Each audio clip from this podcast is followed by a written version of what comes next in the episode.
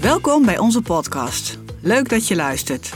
Wij zijn Valken en Verbaan en wij realiseren gedrags- en cultuurveranderingen binnen organisaties. En dat doen we al 30 jaar, met succes.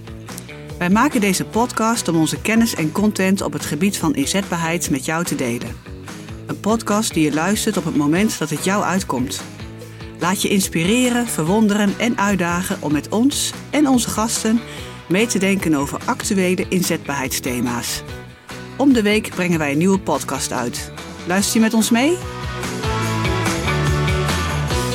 Welkom bij de tweede aflevering van de Valken en Verbaan podcast. Mijn naam is Rianne Baan, ik ben hier directeur en ik doe deze podcast samen met mijn collega Ilse. Leuk dat jullie luisteren naar alweer onze tweede podcast. Mijn naam is Ilse Diebe, managing consultant bij Valken Verbaan. En Rianne, waar gaan we het vandaag over hebben?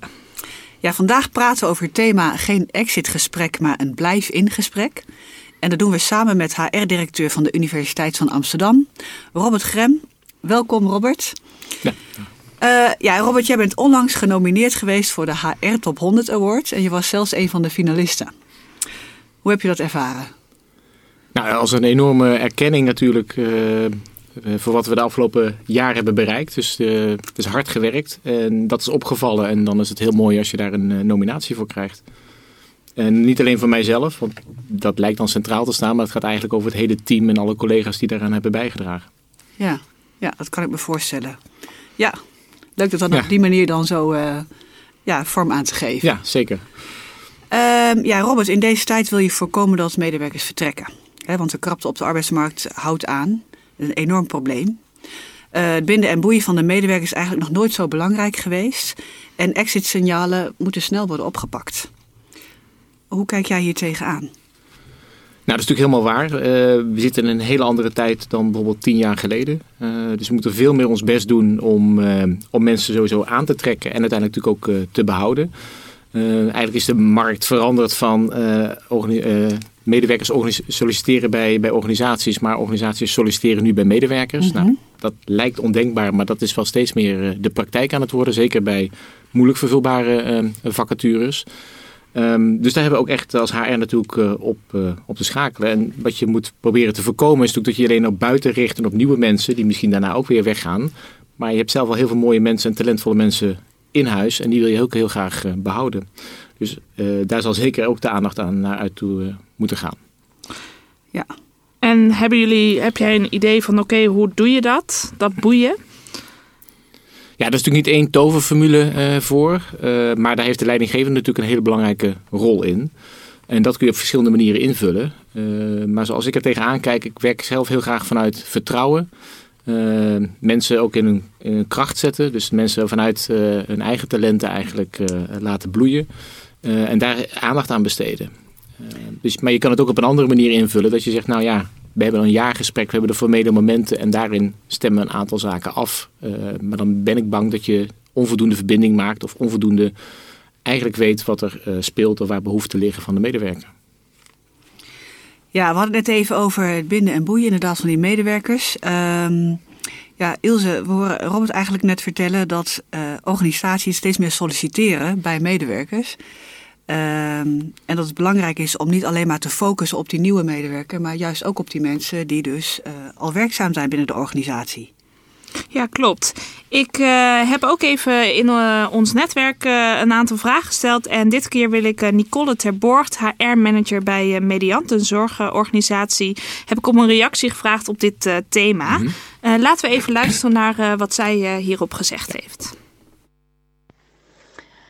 een mooie gedachten blijven in gesprek, maar wel wat laat in het proces. Um, beter is om sowieso met je mensen in gesprek te zijn. Weten waar ze staan in hun ontwikkeling. Wat zijn hun talenten en hoe kun je daar het best op aansluiten? En ook wanneer niet. En als dat helder is, dan kan het voorkomen dat een medewerker wel deze mogelijkheden elders verkent en vertrekt. En dat mag er best wel zijn. Een blijf in gesprek is dan helemaal niet nodig, omdat je op de hoogte bent van de loopbaanwensen van de mensen uit je team. Neemt niet weg dat als je dit niet weet, wat natuurlijk ook kan voorkomen, het altijd goed is om met elkaar in gesprek te gaan.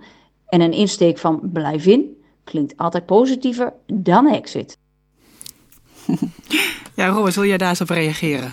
Nou, ik denk dat ze helemaal uh, gelijk heeft. Ik heb af en toe wel een beetje moeite met het, de term blijf in gesprek. Want dat lijkt net of je krampachtig aan je mensen wil vasthouden. Van ga niet weg. Hmm. Uh, dat zou een uitleg kunnen zijn. Uh, het zou eigenlijk iets natuurlijks moeten zijn. Dat je eigenlijk, in, ja, wat ik net ook al zei, goed in verbinding bent. De, de, je medewerkers regelmatig spreekt. Niet alleen op de vermeden momenten, maar juist denk ik ook op de werkvloer of op andere momenten. Dat je daar ook in, in coacht. Um, en wat ze ook terecht zegt, het kan ook zijn dat je niet bij elkaar past of dat op de plek waar de medewerker op dat moment zit ook niet uh, de ruimte is om verder door te groeien. En dan hoort afscheid nemen er ook bij. Uh, alleen afscheid nemen van de mensen die je graag zou willen behouden, dat is natuurlijk uh, wat pijnlijker dan de mensen die zeggen die moeten hun vleugels ergens anders uitslaan. Hmm. Zeg je verbinding blijven, hè, het vertrouwen geven als, als leidinggevende ook al mm -hmm. eerder um, richting de medewerkers. Um, hoe zit dat bij de, binnen de UvA? Hoe doen jullie dat? Nou, we hebben heel veel verschillende leidinggevenden, dus ik kan niet zeggen dat doen wij zo binnen de UvA. Ik kan wel voor mezelf spreken hoe ik dat bijvoorbeeld met mijn eigen uh, team doe. Uh, en wat we wel als UvA ook nastreven, daar kan ik natuurlijk wel iets over zeggen. -huh. Wij gaan heel erg uit dat, uh, dat we met professionals te maken hebben die ook over een eigen loopbaan kunnen gaan en mogen gaan. dat mogen ze in de buitenwereld ook. Dus het zou heel raar zijn als ze bij ons de deur binnenlopen en in één keer afhankelijk zijn wat een leidinggevende wil. ze kunnen dat zelfstandig natuurlijk ook bepalen. Daar moet je wel een beetje voor op uitdagen natuurlijk. Dus uh, vragen naar die behoeften en, en, verwachtingen en daarvoor openstaan. Um, en dat doe je dus niet alleen in een jaarlijks gesprek of met een standaard formulier met standaard vragen. Dat is eigenlijk gewoon ja, de, de menselijke interesse die je eigenlijk uh, uh, ja, elke dag zou moeten laten zien. Um, nou, dat zal heus niet iedere leidinggevende bij de UvA zo doen. Maar daar proberen we wel naar te streven dat dat de stijl is van meer coachend, verbindend leidinggeven eigenlijk. En hoe, hoe kijk je naar de kwaliteit dan van die gesprekken? Hoe, hoe uh, kom je daarachter hoe leidinggevenden dat doen? Um, ja, dat blijft echt een uitdaging. We hebben sowieso een, een hele bijzondere doelgroep met wetenschappers die vrij uh, ja, gericht zijn op hun eigen werk. Uh, soms ook bijna niet eens weten wie een leidinggevende is, omdat ze in een, in een breed onderzoeksteam of iets dergelijks ook werken. Uh, maar goed, dat kunnen we natuurlijk met leiderschapsprogramma's en dergelijke worden dat soort technieken of uh, elementen wel uh, naar voren gebracht. Ja. ja. dat, dat is een manier om het, om het uit te dragen en een goede voorbeelden laten zien. dus gewoon mensen die dit op die goede manier doen, laten zien van kijk, zo kan het ook. en dat, is, dat werkt dan aanstekelijk. en als ze zien dat er naar een bepaalde plek bij een leidinggevende het heel makkelijk is om mensen aan te trekken of dat daar een andere sfeer hangt, dan wordt er toch gekeken van wacht even, wat is daar dan de formule? En dat zou ik eigenlijk ook wel willen doen. Dus daarin ook leren van elkaar. Absoluut, ja. ja. Maar ook respecteren dat er verschillende stijlen zijn. Het is ook niet zo dat we iedereen in één mal willen uh, voegen. Je brengt ook gewoon jezelf mee. Uh, dat is denk ik ook het meest authentieke. En dat heb je denk ik ook als leidinggevende te doen. Uh, maar je kunt ook wel een aantal dingen leren, denk ik, als, als leidinggevende. Ehm, dus dat betekent ruimte geven eigenlijk aan je medewerker. En we zaten ook misschien 10 of 15 jaar geleden weer in een situatie dat de leidinggevende, het was eigenlijk een 90 graden gesprek en daar wil je natuurlijk een gelijkwaardig gesprek van maken. Nou, dat is iets wat, wat sommigen nog wel moeten leren natuurlijk ook. Uh, en uh, dus ruimte geven aan de medewerker dat hij zijn behoeften en ambities ook kan uitspreken. Dat dat goed voelt en dat er vertrouwen is. Uh, ja. nou, dat zijn eigenlijk de, de zaken waarin we aan het eh, investeren zijn. Ja, want binnen de UvA hanteren jullie een samenhangende aanpak. Hè, wat ik ook gelezen ja. heb, waarin jullie vanuit individu, groeps- en organisatieperspectief ja. invulling geven aan goed werkgeverschap. Nou, dat klinkt heel erg mooi, maar ik ben wel benieuwd wat dat nou precies betekent. Ja.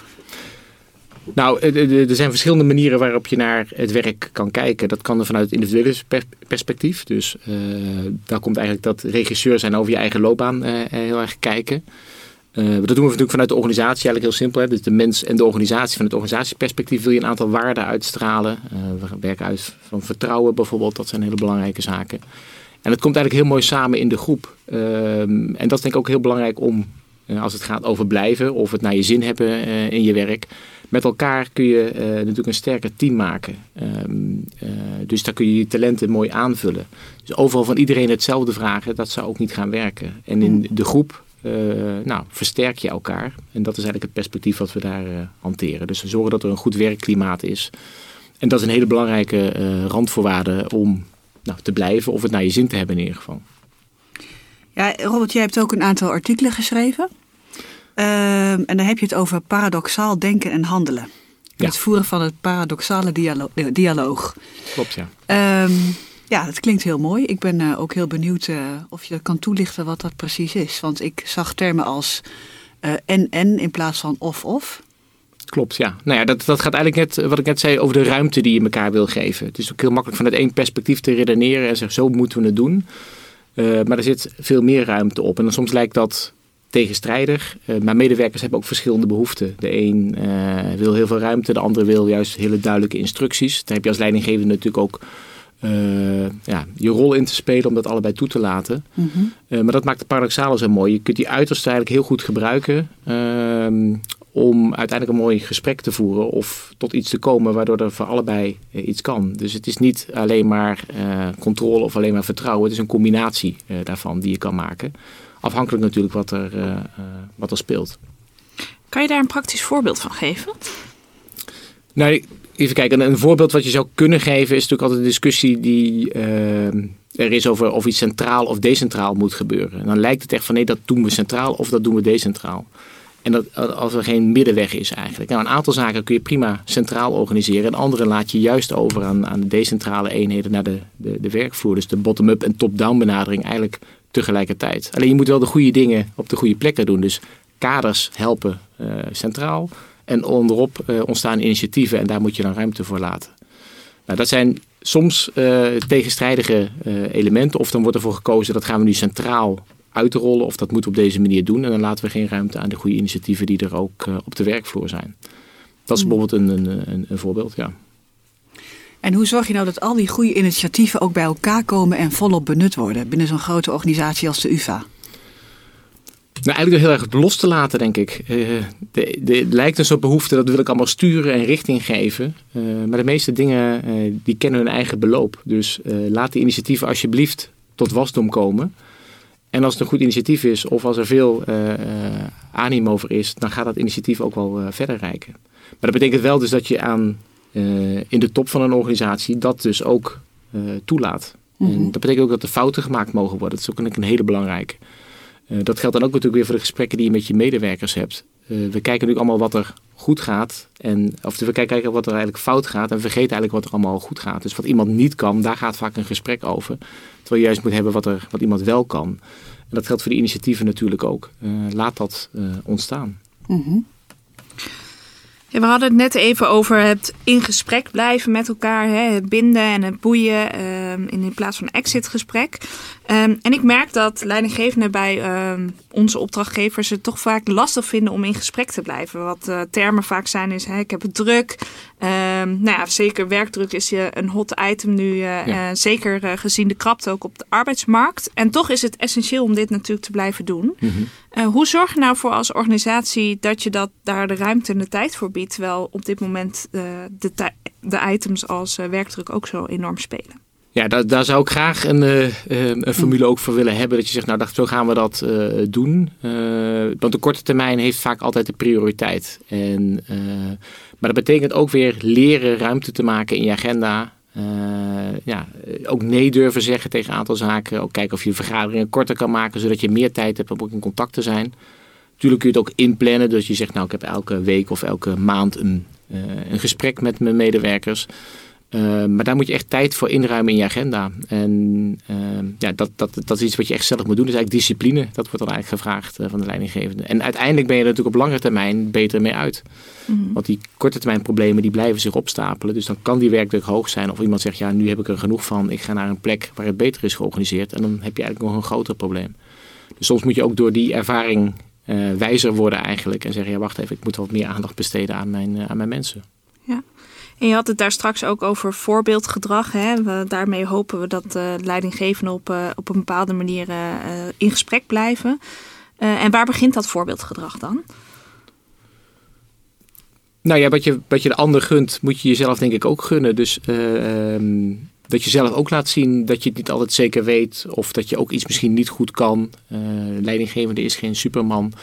Um, uh, en daar kwetsbaar in durven zijn eigenlijk. En dat wordt vaak toch ook wel gewaardeerd. Want dat nodigt ook weer uit voor anderen om kwetsbaar te zijn. Als ik de lat heel hoog leg en ik zeg dit is voor mijzelf heel belangrijk. En dat moeten jullie ook allemaal gaan doen. Dan krijg ik heel veel kanten van mijn medewerkers eigenlijk niet, uh, niet te zien. Als ik zelf zeg, ja, hier twijfel ik ook over. Of dit heb ik nog nooit gedaan en vind ik spannend. Uh, ja, dan krijg je natuurlijk een heel andere, ander gesprek. Dus je moet jezelf eigenlijk een beetje nou ja, kwetsbaar opstellen en ook weer in een gesprek eigenlijk een beetje wegcijferen. Uh, niet alleen maar zenden van uh, zo zie ik het en zo wil ik het, maar gaan luisteren eigenlijk uh, wat de ander te vertellen heeft en daarop uitdagen. En dan kom je op een hele andere laag uit dan je in heel veel andere gesprekken zou hebben. Ja, je noemt dat voorbeeldgedrag is eigenlijk heel belangrijk, hè? Wat je ook inderdaad jezelf gunt. En dat voorbeeldgedrag laat zien. En ik ben ook wel benieuwd, um, je geeft aan, er moet ruimte gemaakt worden in de agenda's. Wordt daar ook op gestuurd? Is het ook iets wat belangrijk gevonden wordt? En...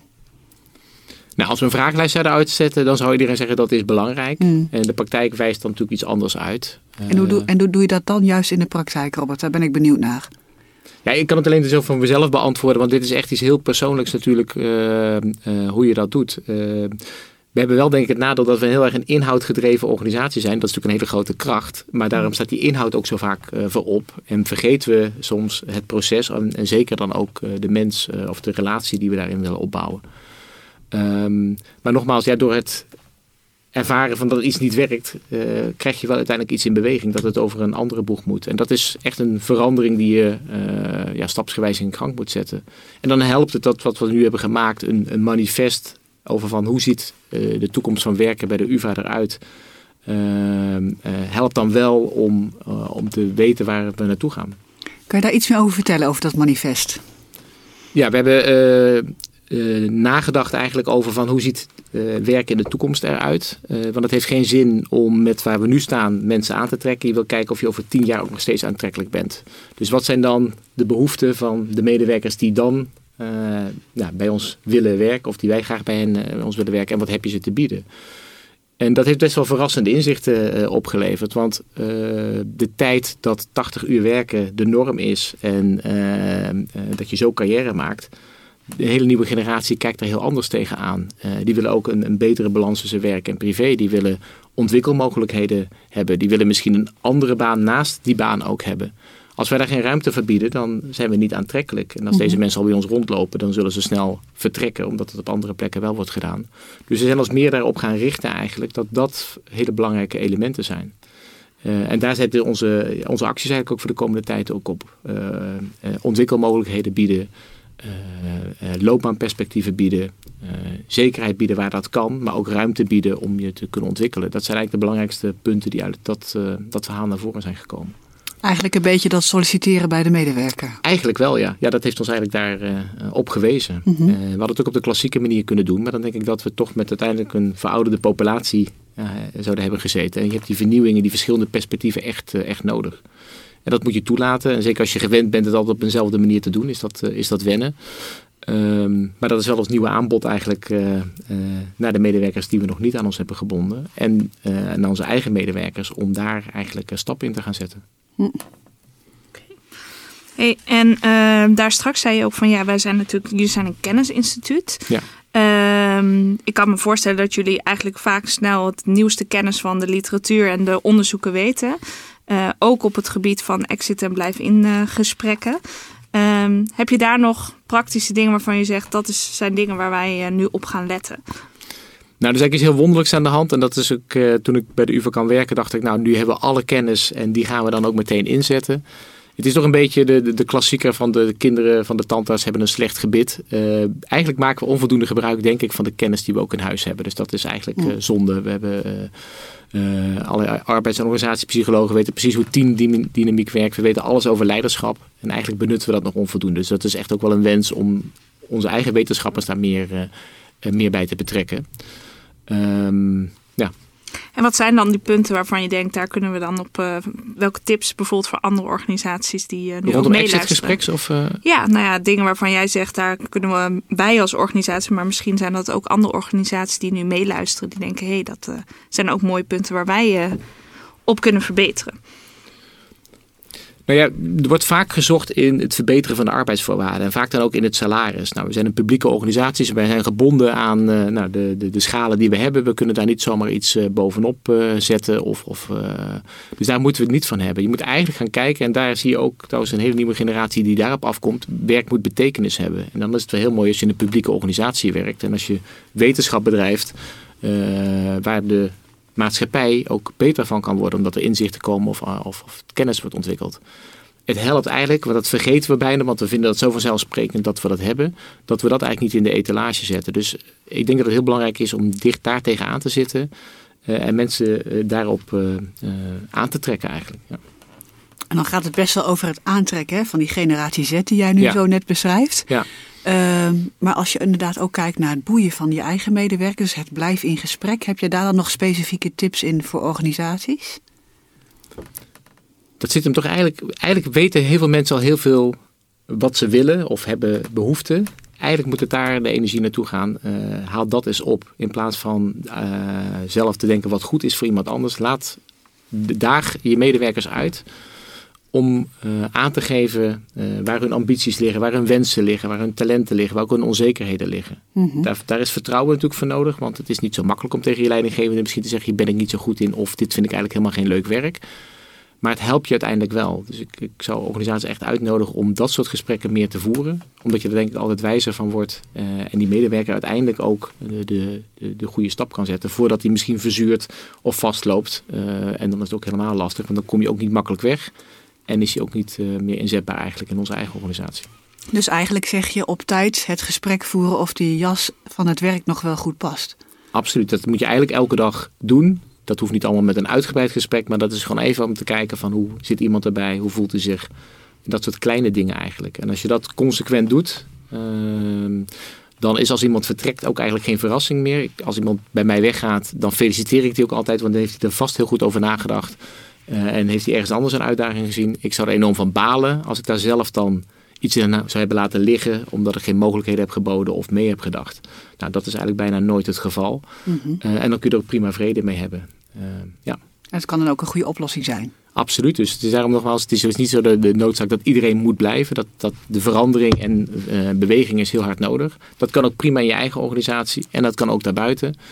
Als je daar maar niet door verrast wordt. En dat doe je door elke dag met elkaar in gesprek te zijn. In plaats van één keer per jaar in het jaargesprek. We hebben het nu heel erg over de rol van de organisatie uh, rondom dit thema. Ik ben wel benieuwd, uh, wat kunnen we hier eigenlijk van medewerkers in verwachten? Nou, wat ik zei, de medewerkers hebben eigenlijk al heel veel uh, ideeën. We benutten ze gewoon eigenlijk niet. En ik zeg dat is eigenlijk omdat je dan die deur instapt van die organisatie, ga je je anders gedragen. Buiten weten we het allemaal wel. Met je buren heb je ook ander soort gesprekken. En op het werk laten we dat eigenlijk achterwege. Dus dat zullen we moeten activeren dat uh, dat naar boven komt en die medewerkers dus een uh, verhaal gaan vertellen. En hoe kunnen we dat activeren? Door vragen te stellen. Uh, daar begint het denk ik mee. en een ruimte te creëren waarin vertrouwen is dat je dus ook dat mag uiten. maar je hebt wel te maken dat dat jarenlang niet het geval is geweest. Dat er werd beoordeeld, dat je afhankelijk was. zie je ook vaak een machtsrelatie ontstaan. Nou, daar moet je zoveel mogelijk bij weg. Uh, er moet een gelijkwaardige situatie ontstaan. Ook is die nooit helemaal gelijk, omdat een leidinggevende natuurlijk altijd nog uh, in positie is om, bepaalde keuzes over jou te maken. Um, nou, en als dat vertrouwen er is, heb ik gezien ook van dichtbij dat medewerkers komen dan echt met hun wensen, dromen. En zijn er veel meer dingen bespreekbaar dan je eigenlijk in eerste instantie zou denken. Mooi, mooie afsluiting ook, uh, Robert. Uh, ja, samenvattend zien we dus dat het essentieel is om in gesprek te blijven met jouw medewerker en ook op tijd. En misschien wel het liefst zoveel mogelijk. Um, en ik denk door aandacht te geven aan die inzetbaarheid en het binden en boeien van werk, uh, werk je enerzijds aan goed werkgeverschap en anderzijds ook aan het behoud van personeel. En wat jij zo mooi zei, ja, organisaties die zijn aan het solliciteren bij medewerkers. Die markt is veranderd. Um, ja, Robert, Ilse en ik willen je hartelijk bedanken voor jouw kijk op dit thema. En luisteraars, wederom bedankt voor het luisteren naar alweer onze tweede aflevering van de Valkenverbaan podcast. Ken je iemand voor wie deze podcast ook inspirerend kan zijn? Stuur hem dan gerust door. En natuurlijk vind je ons ook op LinkedIn. We zijn heel benieuwd naar je reactie, dus we zien het graag tegemoet. Binnenkort is er een nieuwe aflevering met Jeroen Broekman, een zeer ervaren HR-manager binnen verschillende zorgorganisaties. Die podcast staat over twee weken live. Luister je weer met ons mee?